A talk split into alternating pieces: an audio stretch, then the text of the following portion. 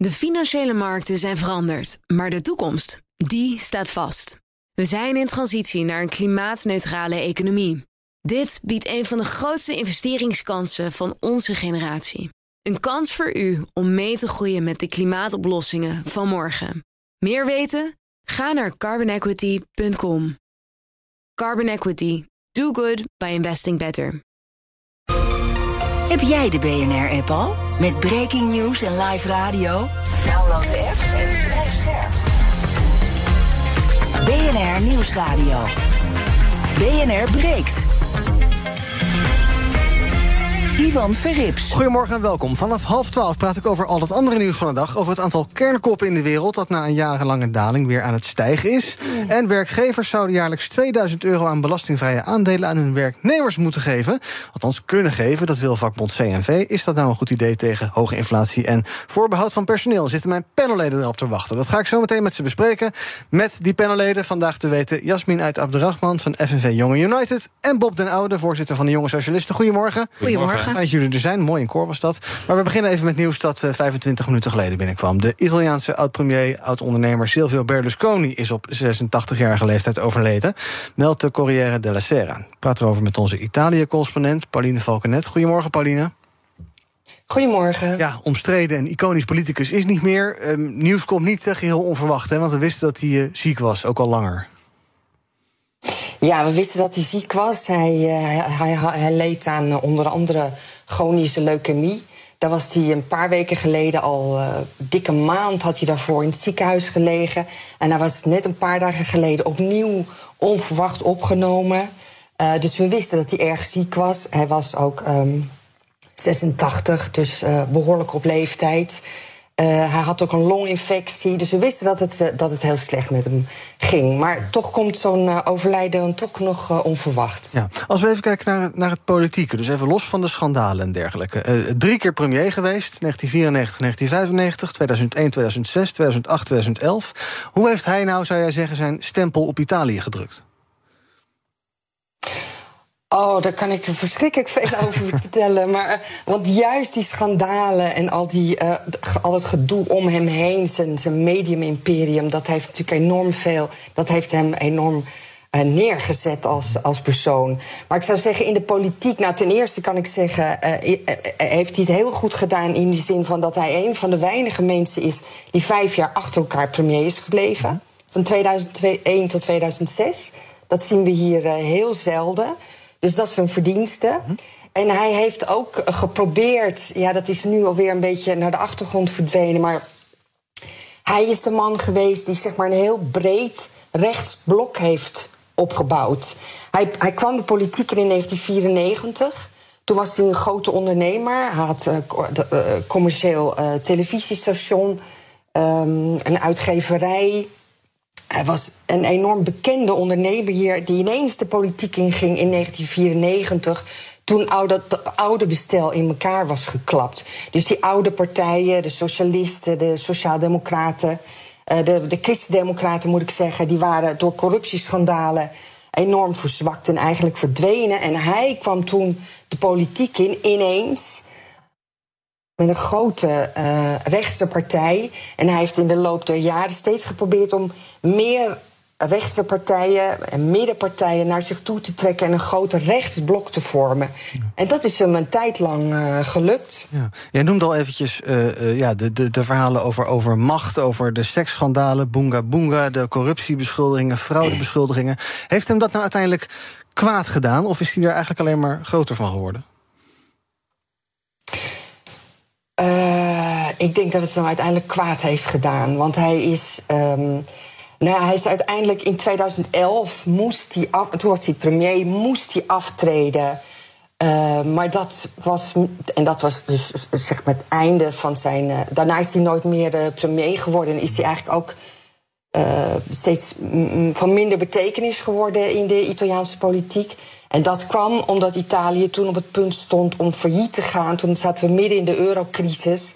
En toen werd hij min of meer gedwongen om af te treden. Um, uh, door, door, ja, door de omstandigheden, door de president. En Mario Monti, de econoom, heeft hem toen als, zeg maar, als crisispremier uh, opgevolgd om, om uh, te voorkomen dat Italië failliet zou gaan. Mhm. Maar in die tijd was Berlusconi natuurlijk al enorm bezig met die meisjes. En die minderjarige meisjes om hem heen. En ze, zijn gekke haartransplantatie. En zijn boonga boonga gedoe. En zijn vrouw die bij, van hem was gescheiden omdat hij met een 18-jarig meisje uit Napels uh, kennelijk iets zou hebben gehad. Uh, dat, dat, dat deed zijn hele reputatie natuurlijk. Dat, hij werd niet meer serieus genomen door heel veel mensen. En heel veel mensen hadden, die vonden dat hij Italië door het slijk haalde. En, en uh, beschamend was dat, dat zo iemand, dat zo'n man die op zo'n manier met vrouwen omgaat, Italië vertegenwoordigde in de wereld. Dus ik, uiteindelijk heeft het hem. en bovendien al die schandalen en. en eh, de vele rechtszaken ook die hij heeft gehad, dat is ook wel heel tekenend voor Berlusconi. Hij was voortdurend, zat hij in een rechtszaak. Voortdurend werd hij aangeklaagd. Ofwel voor fraude. Hij had bijna allemaal met zijn, met zijn, met zijn werk als ondernemer te maken. Uh, belastingontduiking, uh, zwart geld wegsluizen.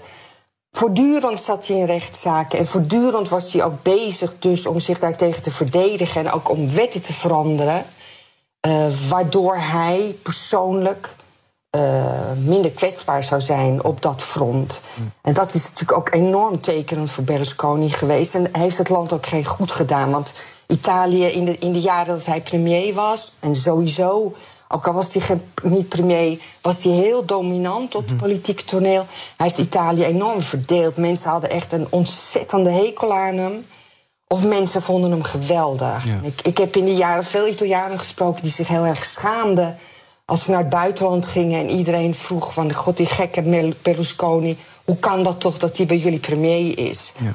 Dus uh, uiteindelijk heeft al die, al die bijzaken, zeg maar, die niet zuiver politiek zijn, hebben hem en Italië geen goed gedaan, denk ik. Tot slot nog even kijken, heel kort naar de politiek van nu. Zijn partij Forza neemt deel aan de coalitie hè, van Giorgia Meloni. Ik zie van haar trouwens nog eh, geen reactie. Wel een uh, Italiaanse minister van Defensie die zegt... de uh, dood van Berlusconi laat een enorme leegte achter. Op Twitter is dat te lezen. Ehm, hij was geloof ik nog senator. Heeft dit nou op enigerlei wijze nog gevolgen in de politiek nu, of niet? Ja, ik denk het wel. Ik denk het wel. Want uh, zijn Forza Italia is, is de kleinste partij in de huidige regeringscoalitie. Hè, met Fratelli d'Italia van, van Meloni, de Lega van Salvini en Forza Italia. Dus drie partijen zitten in de regering. Maar Forza Italia is echt de partij van Berlusconi. Het is Berlusconi. Um, hij heeft die partij gesticht. Hij is nog altijd de leider. Hij bepaalde de koers. En politicologen hebben hier altijd voorspeld... als Berlusconi er op een gegeven moment niet meer is... dan zakt die hele partij in elkaar. Um, Tajani, de minister van Buitenlandse Zaken... is zeg maar de tweede man binnen die partij... maar natuurlijk een heel ander type... Dus het, ja, het zal ongetwijfeld voor onrust zorgen binnen Forza Italia. Uh, en daarmee dus ook binnen de regeringscoalitie. Dat, is, dat lijkt me onvermijdelijk. En dat zal zich in de komende uren gaan uh, nou, laten zien waarschijnlijk. Dankjewel, Pauline Valkenet, voor je eerste reactie. Onze Italië-correspondent. Later vandaag op BNR hoor je, denk ik, Pauline nog wel een keer. En ook alle reacties en de gevolgen ook van het overlijden van Silvio Berlusconi. Dan gaan wij naar ons. BNR breekt. Breekijzer. Ja, breekijzer. Dat heeft ook alweer een soort uh, linkje met Italië. Want dat breekijzer heeft te maken met een mogelijke asieldeal... tussen de Europese Unie en Tunesië. Want premier Rutte is net terug van een reis die hij maakte met... daar is ze, uh, uh, Giorgia Meloni, de Italiaanse premier... en de voorzitter van de Europese Commissie, Ursula von der Leyen, naar Tunesië. Het land gaat een flinke economische hulp van de EU ontvangen... maar het belangrijkste onderwerp van gesprek was migratie. En Rutte zelf was erg te spreken over die bijeenkomst gisteren. And the meeting was very good because we agreed on a broad agenda with Tunisia.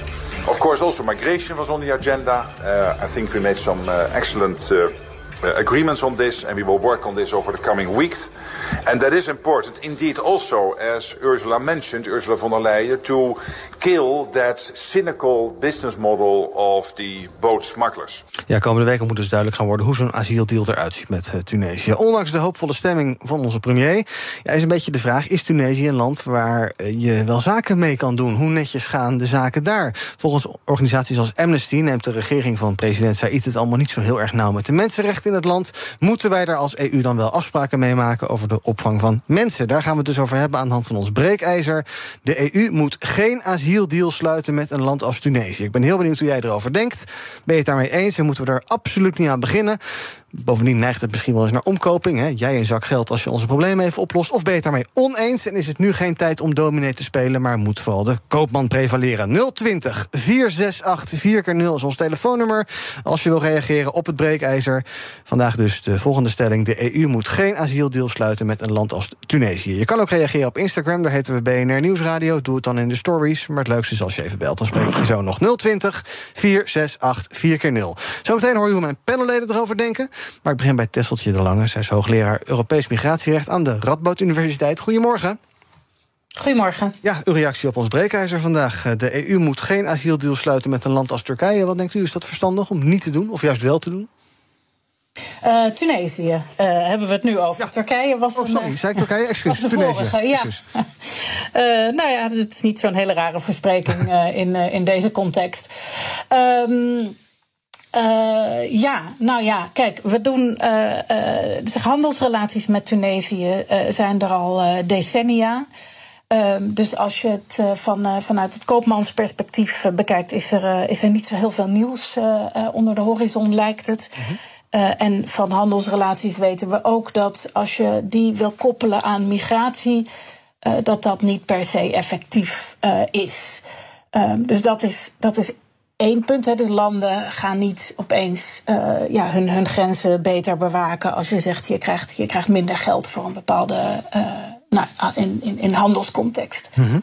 um, het, het, punt wat jullie maken, hè, de dominee, uh, is natuurlijk terecht. Um, mensenrechten schending um, is, een, is een probleem. En zeker als je het hebt over hoe ze daar mensen gaan opvangen. Mensen die zijn misschien ook niet echt uh, willen om in het vertoog van mensen willen of niet uh, te blijven. Ja. Um, is, dat, is dat kwestieus? Ja. Ja, want uh, als we kijken naar het geldpakket, 900 miljoen naar financiële steun, 150 miljoen nu al. Ik geloof 100 miljoen voor grensbewaking. Dan gaan er nog vele tientallen miljoenen waterstofprojecten, aanleg van een elektriciteitskabel, internetkabel en dergelijke. Dat zouden we natuurlijk niet doen als die uitdaging met migranten er niet is, denk ik. Hè? Zo simpel is het wel.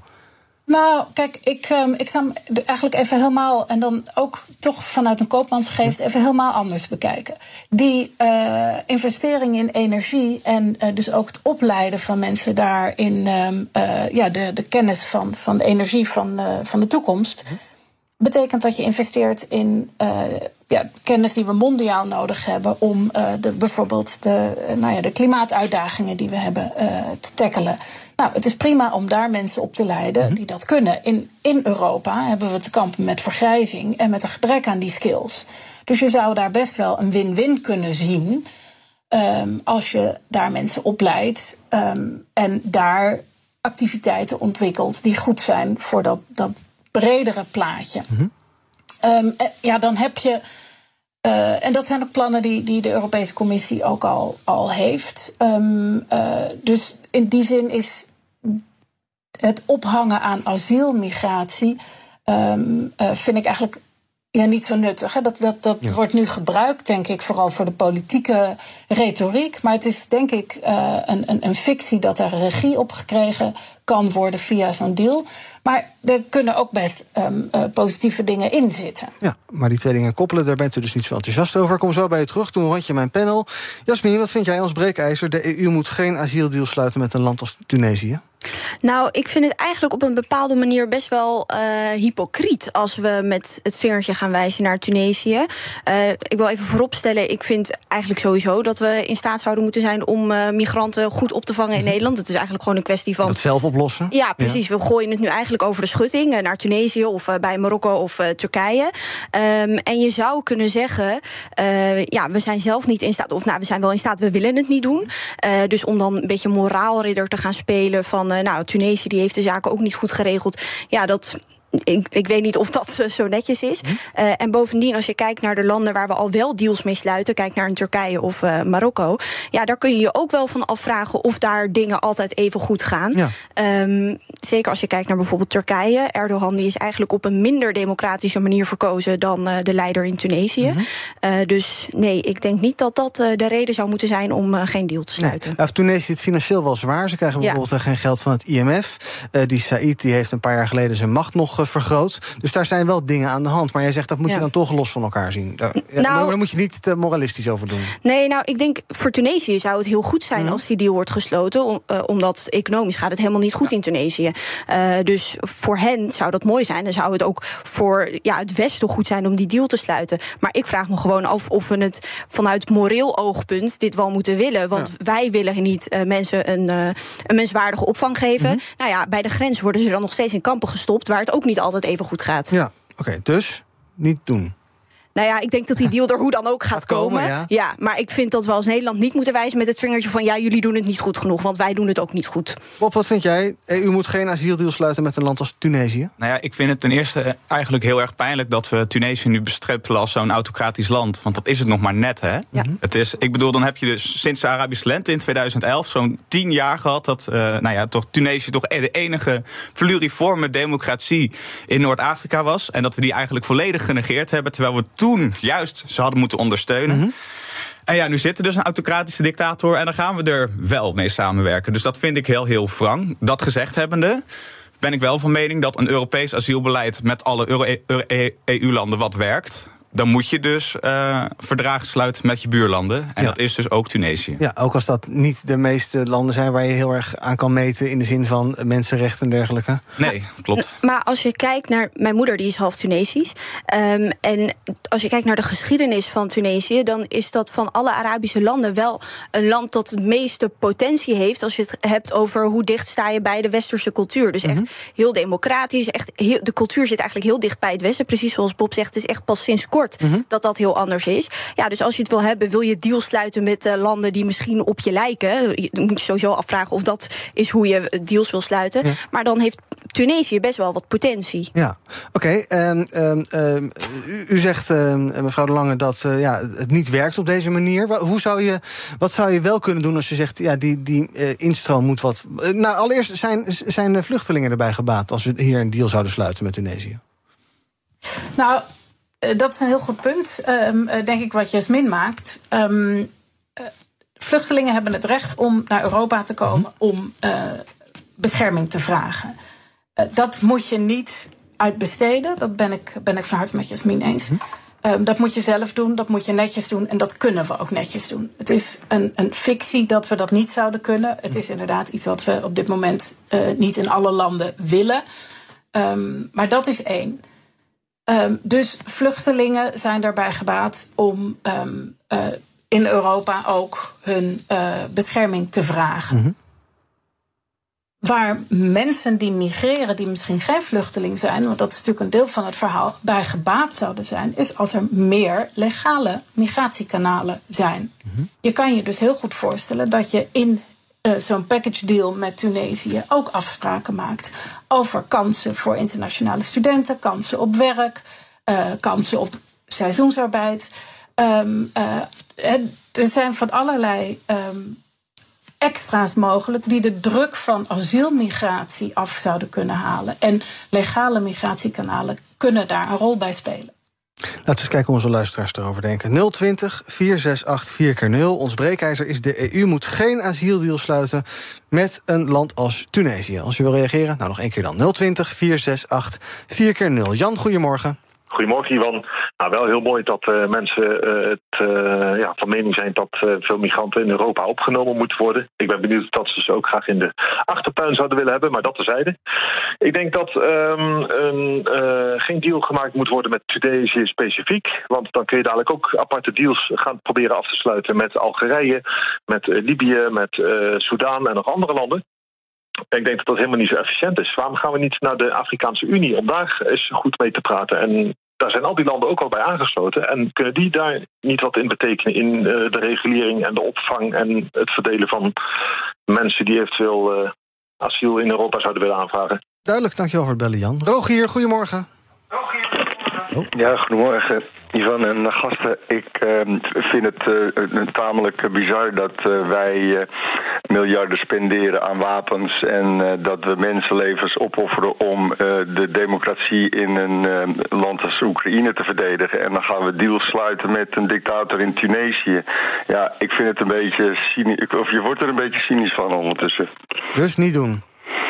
Ja, niet doen. Wat, wat moet je anders? Maar het, het, het, het, het, wordt, niet helder op waar wij moreel staan. Duidelijk, dankjewel voor het bellen. Nog, ja, oh. Maar dat wordt, het, ja, even om te reageren op ja. de beller. Dat, uh, moreel duidelijk wordt het sowieso niet. Want we sluiten ook deals met uh, Turkije. We sluiten ook deals met Saoedi-Arabië. Hm.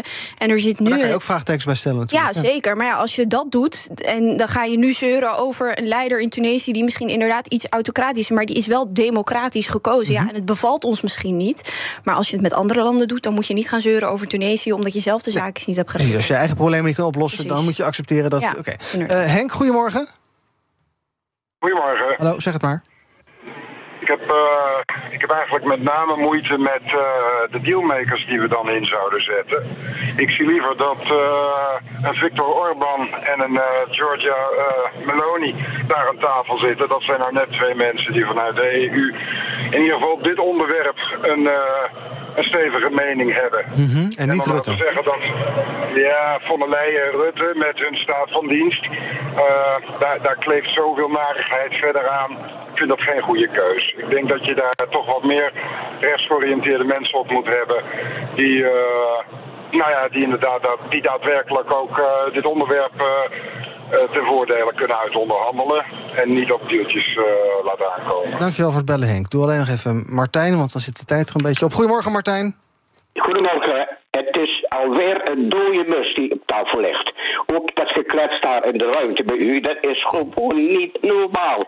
We moeten gewoon zelf de handschoen opnemen. Zelf, zelf daden doen. Zelf, zoals Oostenrijk, zoals Denemarken en zoals België. Die doen het zelf. Maar wij laten ons ringen horen. We zijn het kleinste pieterpuntenlandje van de EU. En we worden hier volgepropt. volgepropt. We zijn het kleinste, maar het ook werkelijk het kleinste aardse stukje hier. En wij doen net als gekke Henkie. Dus dat geklets daar bij u de studio is ook waardeloos. Er ligt weer een dode mus op tafel. En de daden die van Rutte moeten komen, die komen er niet. Nee, zelf... Ik heb gezegd, ik heb gezegd, ik ben nu 90 jaar. Ik heb gezegd, ik zie dat het gewoon misloopt. Het gaat totaal mis hier. Martijn. Dank u wel. Dank u wel voor uw uitzending. Tot ziens. Goedemorgen. Morgen. Ja. Dag. Ja, dat is opgehangen. Oké, okay. um, tot slot van dit half uur nog eventjes uh, kijken bij uh, mevrouw Lange.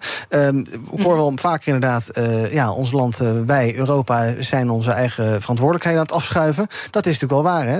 je zou het het liefst hier oplossen. Ja, en dat, um, dat moet ook. ja, je moet je eigen verantwoordelijkheden nemen en dat moet je netjes doen. Um, dus dat zou ik voorop willen stellen. Dat dat uh, uh, mensen moeten in de gelegenheid kunnen zijn om bescherming te vragen, ook in Europa. Ja.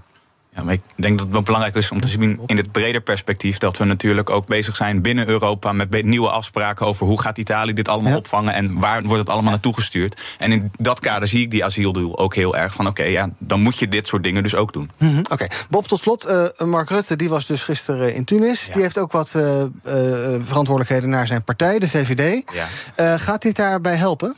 Zo'n deal of niet? Ja, nou ja, ik, ik, ik wil nog even aanhaken op die eerste beller. Die ja. zei dat Mark Rutte geen rechts uh, invalshoeken heeft. Want die is natuurlijk heel erg voornemens om uh, te laten zien dat, uh, dat hij zo keihard mogelijk tegen migratie is. Dat is ook de reden waarom het in Ter Apel op dit moment zo slecht gaat.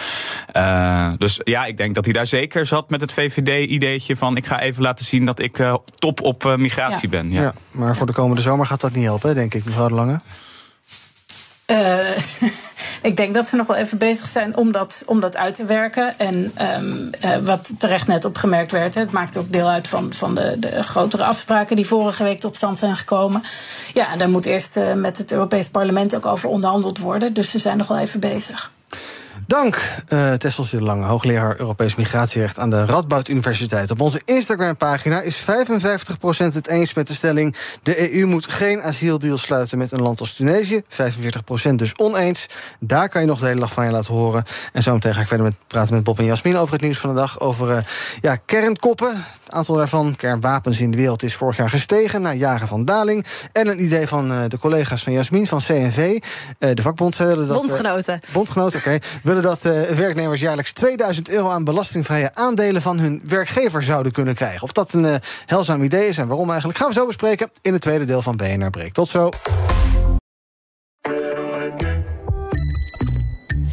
Het Eneco Klimaatreport van deze week komt uit Amsterdam. Ik ben Pascal en ik sta hier met de oprichter van Wikkelhuis op de werkplaats. Oep, wat zie ik hier? Ja, je ziet allemaal huisjes. En welke rol speelt energie-efficiëntie in jullie ontwerp- en bouwproces? We bouwen alleen maar met hernieuwbare materialen. Maar het leukste is dat we eigenlijk uh, zonne-energie gebruiken voor onze elektriciteit. We hebben duizend zonnepanelen op ons dak van de werkplaats. Duizend zonnepanelen, dat zijn er een hoop. Ik kan me voorstellen dat er veel stroom vanaf komt. Ja, er komt een enorme bak met stroom uit. En soms in de zomer is dat ook te veel. En daarom werken we samen met uh, Eneco, met het uh, opwek optimaal systeem. En wat doet dat systeem? Een soort dimmer. Dat als er te veel stroom is, dat je dat zeg maar wat terug reguleert, zodat er geen netcongestie ontstaat. Want dan zou alles vastlopen. Uh, juiste balans op het energienetwerk. Ja, precies. En zo werkt Wikkelhuis samen met Eneco aan klimaatambities. Is het ook iets voor jouw bedrijf? Check dan eneco.nl slash klimaatambities. De financiële markten zijn veranderd, maar de toekomst, die staat vast. We zijn in transitie naar een klimaatneutrale economie. Dit biedt een van de grootste investeringskansen van onze generatie. Een kans voor u om mee te groeien met de klimaatoplossingen van morgen. Meer weten? Ga naar carbonequity.com. Carbon Equity. Do good by investing better.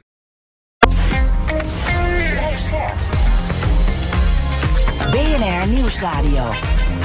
BNR breekt. Ivan Verrips. Welkom terug bij BNR Breekt. Vandaag in mijn panel Bob den Oude, voorzitter van de Jonge Socialisten... en Jasmin Uit Abderrahman, voorzitter van FNV Young and United. En we gaan praten over het nieuws van de dag. Want ja, je zou misschien wel kunnen zeggen... een soort van de Koude Oorlog terug van weg geweest. Het aantal operationele kernkoppen in onze wereld... is na een jarenlange daling weer toegenomen. Vorig jaar nam het aantal kernkoppen toe met 86 tot ongeveer 9.500. Meldt het CIPRI, dat is het Stockholm International Peace Research Institute. En door die stijgingen glijden we in één keer af naar een van de gevaarlijkste periodes van de geschiedenis van de mensheid, zegt dat Zweedse instituut.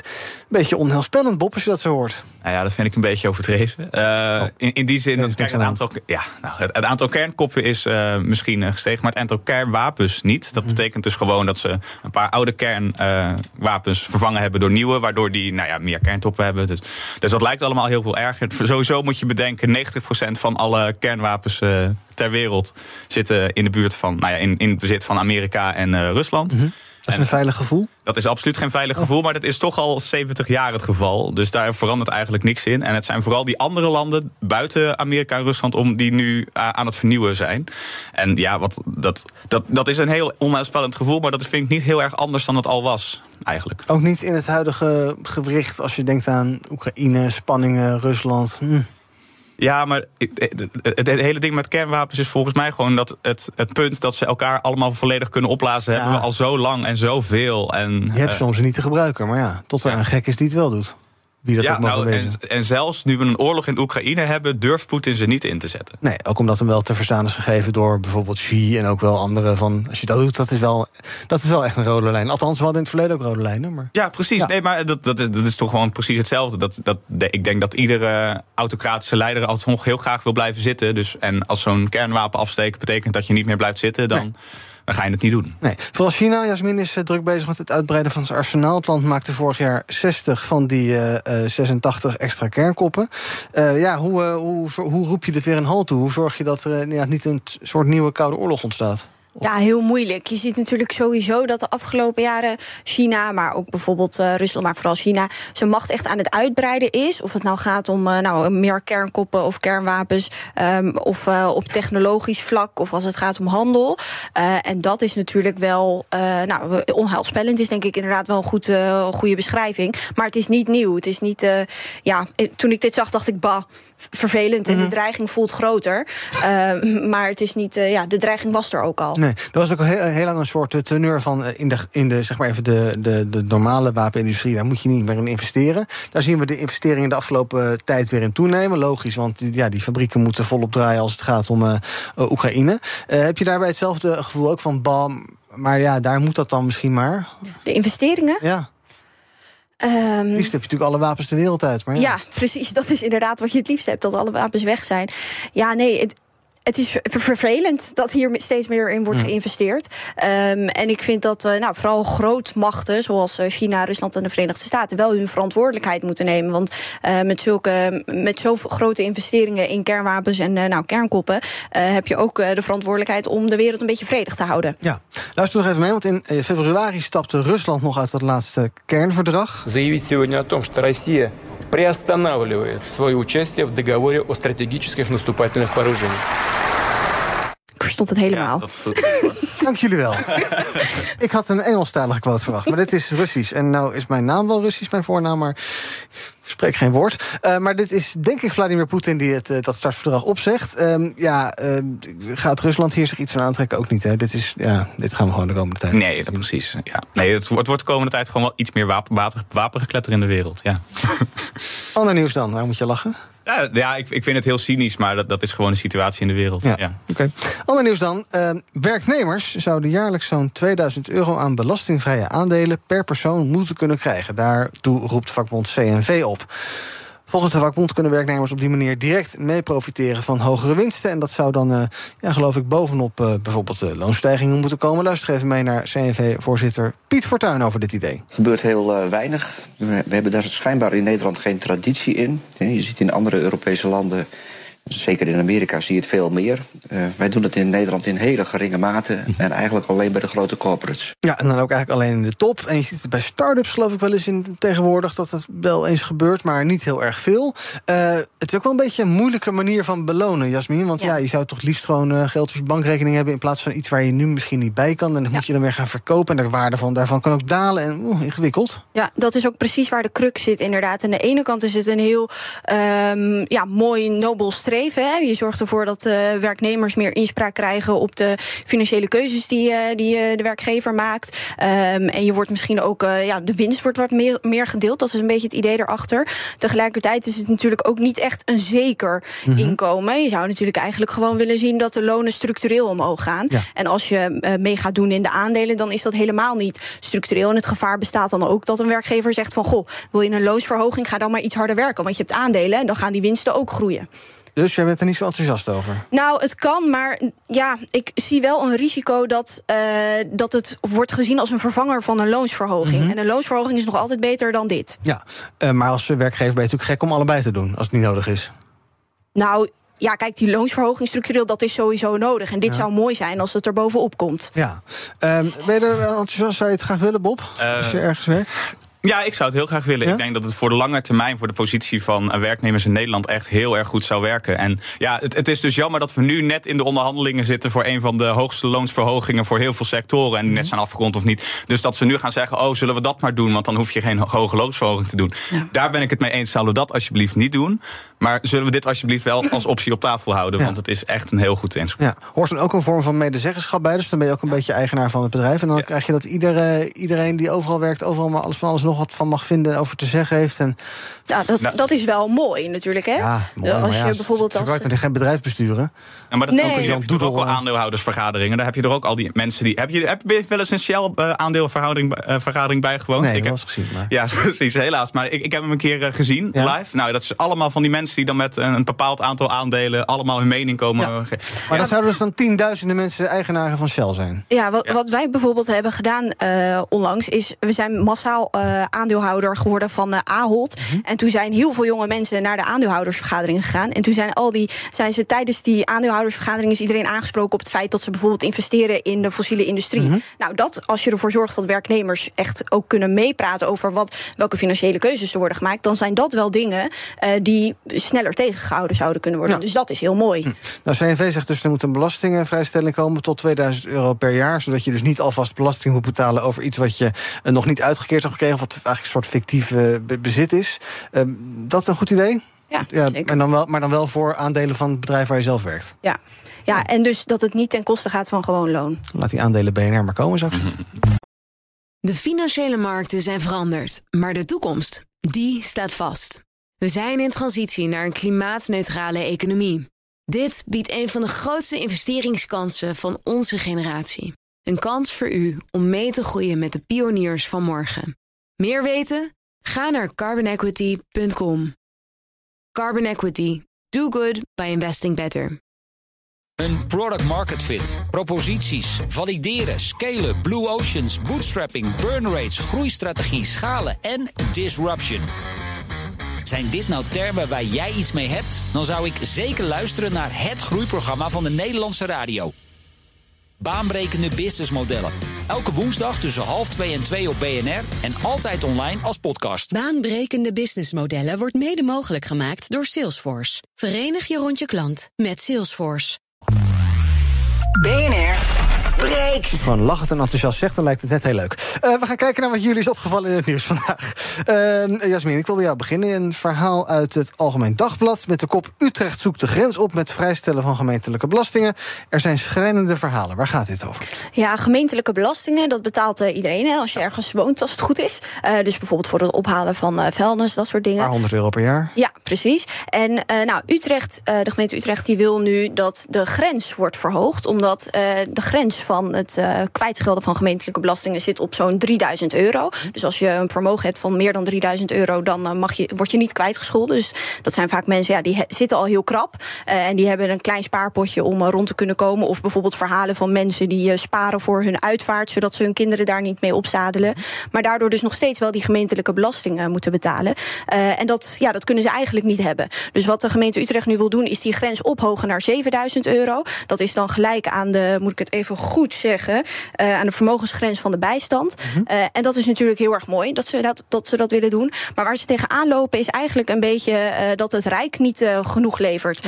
Um, omdat, nou, de, de, hier zit eigenlijk er zit helemaal niks vanuit het Rijk om ervoor te zorgen dat ze dit kunnen doen. en de gemeente die zegt nu van, nou, we gaan het hoe dan ook doen, of er nou hulp komt of niet. Maar wat je natuurlijk eigenlijk wilt, is dat elke gemeente dit kan doen. Want 3000 euro, een vermogen van 3000 euro, ja, daar kan je, het, daar kan je niet van leven. Nee. en wat je daarbovenop ook nog ziet, waar de gemeente tegenaan loopt, is dat ze tegen heel veel andere dingen, met heel veel andere dingen te maken hebben. Zoals bijvoorbeeld de energietoeslag, een rechtszaak die ze hebben verloren van, uh, uh, van, van, studenten. Uh, omdat studenten worden uitgesloten van de energietoeslag. Nou, de studenten en gemeenten zijn daarin de dupe. dus ik vind het heel mooi dat de gemeente dit wil doen. Maar dus ook een oproep aan het Rijk van voorzie gemeentes om ervoor te zorgen dat mensen goede, ja, goed maatwerk kunnen krijgen. Ja, en die 3000 euro moet dus naar 7000. Ja. Um, dan heb je natuurlijk ook al mensen die dan 7001 euro hebben... en die vallen dan weer gelijk buiten de boot. Ja, ik geloof dat ja, dat klopt. Dus daar, het is 7006. Ah ja, maar ik bedoel meer, als je een euro erboven ja. zit, dan ben je de sjaak. Ja, inderdaad. Dat dus daar klopt. zou je ook rekening mee moeten houden dan. Ja. Uh, en dan gaan er dus uiteindelijk minder mensen die belasting betalen. Ja. Uh, en andere mensen moeten dan nog meer gaan betalen. Nou, volgens mij is het plan nu. Ja, de vraag is waar ga je die rekening leggen? De gemeente Utrecht die gaat het nu zelf oppakken. Maar ja, wat mij betreft zou je die rekening dan bij de hoogste inkomens van de gemeente Utrecht ja, dus je maakt gewoon progressief. Ja. ja. Goed idee, Bob, om dat zo te doen? Uh, ja, in principe wel. Ik ben wel benieuwd hoe je dat dan precies gaat doen. Maar met. Uh, ja, ik, ik, ik, moet even hard op nadenken wat de beste belastingmanier zou zijn om de hogere inkomens van Utrecht uh, daarop te pakken. Mhm. Mm -hmm. Maar aan, aan, zich lijkt het me goed dat mensen met de sterkere schouders hier meer aan bijdragen. Ja, wel goed om dit uh, gelijk te trekken per gemeente. Dat je niet dat niet de ene gemeente iets anders doet dan de andere gemeente. Ja, ja, nou ja, ik vind het sowieso een goed initiatief. En het lijkt me goed dat dit nationaal wordt doorgevoerd. Uh, dat moet, ja, ik ben even benieuwd of dat ook zeg maar, voor elke gemeente even hard nodig is. Uh -huh. Maar ja, aan zich een goed idee. In principe wel. Okay. In principe. Uh, dan, Bob, jij wil het hebben over Nicola Sturgeon, de Schotse ex-premier. Die was dit weekend opeens in het nieuws. Omdat ze was aangehouden. Nog maar net afgetreden, ik geloof eh, een paar maanden geleden eigenlijk. Hè? Ja, Eh, april volgens mij. Ja, en nu is ze aangehouden en weer heen gezonden en nog niet aangeklaagd. Wat Ja, is er gebeurd? Nou ja, ik denk dat je het even in het perspectief moet zien. Want die Scottish National Party die wil natuurlijk al heel lang weer een nieuw referendum over de Schotse onafhankelijkheid van Groot-Brittannië. En eh, nou ja, dat kregen ze maar niet van de regering. Dus toen hadden ze zoiets van: weet je wat, dat gaan we zelf opzetten. Maar daar hebben we dan wel geld voor nodig. Dus ze zijn dat eh, vervolgens allemaal met crowdfundingsactie gaan regelen. Ze hebben eh, 600.000 pond, 750.000 euro binnengehaald. Alleen dat eh, referendum is er nooit gekomen. En het geld is er ook niet meer. Tenminste, niet helemaal. Dus nu is de vraag van eh, waar is het dan precies heen gegaan? Wie heeft dat allemaal gedaan? En nou ja, Nicola Sturgeon is daar natuurlijk. eh, die is nu plotseling opgestapt vanwege nou ja, de mens, de, eh, meer aandacht aan de mens Nicola Sturgeon. Wat natuurlijk altijd een vrij typische aftreden is voor een politica. Waarom? Kan toch? Nou ja, het kan zeker. Maar als je dan vervolgens twee maanden later dit over je oren krijgt, dan ga je, ga je, ga je linkjes leggen. Ja. Zeg maar. En eh, nou, de, de, de man is de voorzitter van de SP geweest. Die is ook al van zijn bed gelicht eh, begin dit jaar. Eh, dus daar zijn wel nou ja, vragen over hoe dat nou allemaal gegaan is. Mhm. En nou ja, dat, dat, ik wil daar eigenlijk nog even aan koppelen voor alle mensen in Nederland die dus ook heel erg hopen dat we hier nog een referendum gaan doen. Als er dus iemand weer straks gaat pleiten voor een referendum en dat we organiseren, dan eh, geen geld aangeven. Want voor je het weet. eh, Maar dat, dat is toch totaal onvergelijkbaar? ja, ja, misschien, nou ja, ik, ik kan me het vorige referendum in Nederland nog wel herinneren, Ja. wat ook eh, met een compleet eigen belang is georganiseerd. Namelijk Oekraïne. Ja. ja en dat was, was dat ook financieel een debakel dan? Je mag toch een Eh, referendum. oh, als was- je mag zeker een iets- Als je iets referendum. belangrijk vindt, je weet toch nog mensen voor op elkaar te krijgen, bij, bij elkaar te krijgen. Nou, volgens mij hebben de eh, eh, actievoerders, eh, de initiatiefnemers van, die, eh, van dat referendum, wel eh, goed verdiend aan dat referendum. Of tenminste om het hele circus omheen. Het zijn die geen pijlmensen. Eh, en uh, Thierry Baudet. Oké. Dat toen nog geen partij was natuurlijk. Nee, oké. Was het in Schotland bindend of niet bindend? Nee, het is niet is dus. nooit geweest, dus Nee. dat is Oh, mooi. nee, ja. Ja, dus ja, maakt niet zoveel uit. Laten we even kijken wat er trend is op de socials. Tot slot eh, van dit eh, half uur. Ehm, Silvio Berlusconi staat uiteraard bovenaan de lijstjes. De Italiaanse oud-premier is eh, vandaag overleden. De dood van Berlusconi komt niet geheel onverwacht... want we zeiden het al, hij kampt al langer met gezondheidsproblemen. Zo kreeg hij eerder dit jaar de diagnose leukemie. En had hij ook regelmatig hart- en ademhalingsproblemen. De leider van de centrumrechtse regeringspartij Forza Italia... werd afgelopen vrijdag opgenomen in het ziekenhuis in Milaan. En ehm, nog steeds geen reactie van Giorgia Meloni, de huidige premier... of van eh, president Mattarella, maar dat gaat ongetwijfeld komen. En we houden je daarvan op de hoogte vandaag hier op BNR. Ook trending, piekbelasters. Minister Van der Wal maakte vandaag bekend dat boeren... die zich willen laten uitkopen, vanaf juli kunnen aanmelden. Er is nu al een eh, website geopend waar je terecht kunt... met de, eh, een tamelijk onzalige naam. En dat is www.aanpakpiekbelasting.nl. Heel sexy linkje, maar oké. Daarnaast kunnen boeren dan zien of zij een piekbelaster zijn... en kunnen ze terecht bij een speciaal belteam... als ze vragen hebben over de regelingen. En dan is er nog nieuws over badeentjes. Ik zie je opschrikkende gezichten hier. Maar dan een 18 meter hoge badeend. In de haven van Hongkong is een uh, reuze badeend lek geraakt en leeggelopen. Het gaat om een kunstproject, Double Duck... van een Nederlandse kunstenaar, Florentijn Hofman. Door het hete weer en de stijgende luchtdruk... heeft de, het gele kunstwerk het dus begeven. Maar zoals de naam al doet vermoeden, Double Duck... er drijft er nog eentje rond in de haven. Die reisde eerder de hele wereld om... maar kwam afgelopen weekend terug in Hongkong... met zijn dus inmiddels overleden vriendje, wat eend. Hoorden jullie het woordschapje? Nog eentje? Ja, leuk. eentje? Ja, dankjewel. Tot slot nog even praten over het volgende. En uh, het restaurantpersoneel van de Tweede Kamer werkt zich een slag in de ronde door een nieuw verbod op wegwerpbekertjes. Sinds kort mogen Kamerleden hun koffie alleen nog maar drinken uit porseleinen glazen en servies en dergelijke. En van die koffiebekers. Maar daardoor ontstaat er nu zoveel vieze vaat dat de Kamer twee extra afwassers moest aannemen, meldt de Telegraaf vandaag. Um, met dat verbod op wegwerpbekers willen de Kamerleden het uh, goede voorbeeld geven. Want vanaf 2024, volgend jaar dus, komt er een nationaal verbod op plastic wegwerpbekers. Dus dan zijn die bekertjes die we hier in de studio hebben, die zijn dan ook verleden tijd. Nou, jullie, uh, we hebben jullie ook vandaag ook weer verleid tot zo'n bekertje. Eigenlijk niet goed.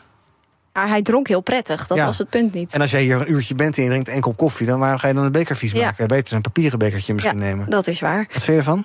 Van uh, wat er in de Tweede Kamer Ja. gebeurt. Ja, het klinkt een beetje als een uh, middelbare school waar de docenten hun kopjes niet opruimen. Dat is een beetje waar ik aan moest denken. Ja. Je, heb je die ervaring ook? Nee, ja, ik heb zelf wat achtergrond in het onderwijs, maar ik ruimde altijd Oh, heel netjes Ja, mijn kopjes op. Ehm, ja, nee, het, het is een beetje grappig. Het heeft wel veel geld gekost, zag ik. Het ging om 800 nieuwe glazen en was 27.000 euro. Ja. ja, dat is wel veel. Misschien moeten mensen gewoon een beetje iets netter hun spullen gaan opruimen. 27.000 euro voor 800. oh, Oké. Ja. Ja, ehm, maar wel goed idee dat we een keer van die, van die bekertjes af moeten. Van die eh, papieren bekertjes. Ja, Ja, ik weet eigenlijk niet wat dat. eh, wat zou dat betekenen voor. eh, wat dat, of dat milieuvriendelijker is? Ja, want nou ja, er zit dus wel heel veel plastic in. En wat Mhm. ik eigenlijk gewoon denk, eh, is dat dit gewoon implementatiegezeur is. Van ja. ze moeten nog even wennen aan het feit dat Mhm. ze allemaal weer een kopje mee moeten nemen. Er moeten wat mensen wennen dat ze dingen moeten afwassen en meenemen. En dat is gewoon een gedragsverandering die we nog even in gaan doen. Sowieso, het moet al vanaf 2024. Is het Europees. Daar gaan, wij toch over met z'n allen moet? Nou ja, nee, Europa. Dat Oh is ja. gewoon, gewoon opgesloten. Door Europa bepaald. Ben jij er een voorstander van dat die dingen weggaan? En ook, en, ook, en ook die bakjes bij de snackbar en zo, die moeten ook allemaal hernieuwbaar worden. Of je moet je eigen bakje meenemen of je moet extra betalen. Eh, dat, is, dat is dan weer een ander praktisch probleem. We hebben het nu over de bekertjes. En ik vind van die bekertjes zeker, die kunnen wel weg. Ik, ik vind het eigenlijk heel erg raar dat we ooit zijn afgestapt van eh, gewoon glazen en mokken. En eh, dat, dat deden we vroeger toch ook altijd? Is dat niet gewoon... eh, Thuis wel, maar op werk denk ik, ik weet niet, of, eh, sommige, Ja. sommige, ik geloof bij onze verdieping hierboven, daar hebben ze al die bekertjes niet meer. daar zie je dus overal mokken rondzwerven en die brengen mensen dan Ja. soms terug, soms niet. Je moet dan wel elke dag dus de vaatwasser aan en zo, ja. Ja? Ja, maar geen plastic. Maar geen plastic. Nee, oké. Eh, twee extra afwassers in dienst, dat is dan wel goed nieuws. Dat het ook nog voor werkgelegenheid zoekt, eh, zorgt als je, die, als je die bekertjes afschaft. Ja, dat is ja. Of misschien geen vaat wel als mensen echt gaan afwassen, dan zou het voor nog meer werkgelegenheid zorgen. Nee, het, ja, heel mooi dat ze Ja. van die eh, bekertjes afgaan. Ik Ja. ben benieuwd of. eh, ik hoop gewoon dat mensen hun spullen netjes Ja. Doe je er een paar mee naar huis? Dat wordt een keer een soort museumstuk. graag. Dat is wel Leuk. weet je.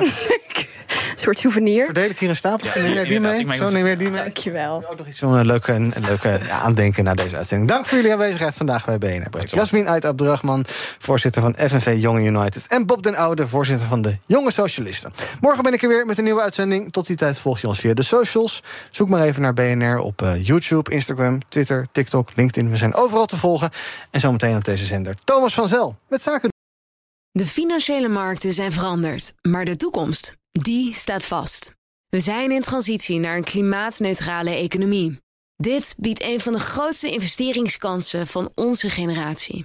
Een kans voor u om mee te groeien met de klimaatoplossingen van morgen. Meer weten? Ga naar carbonequity.com. Carbon Equity. Do good by investing better.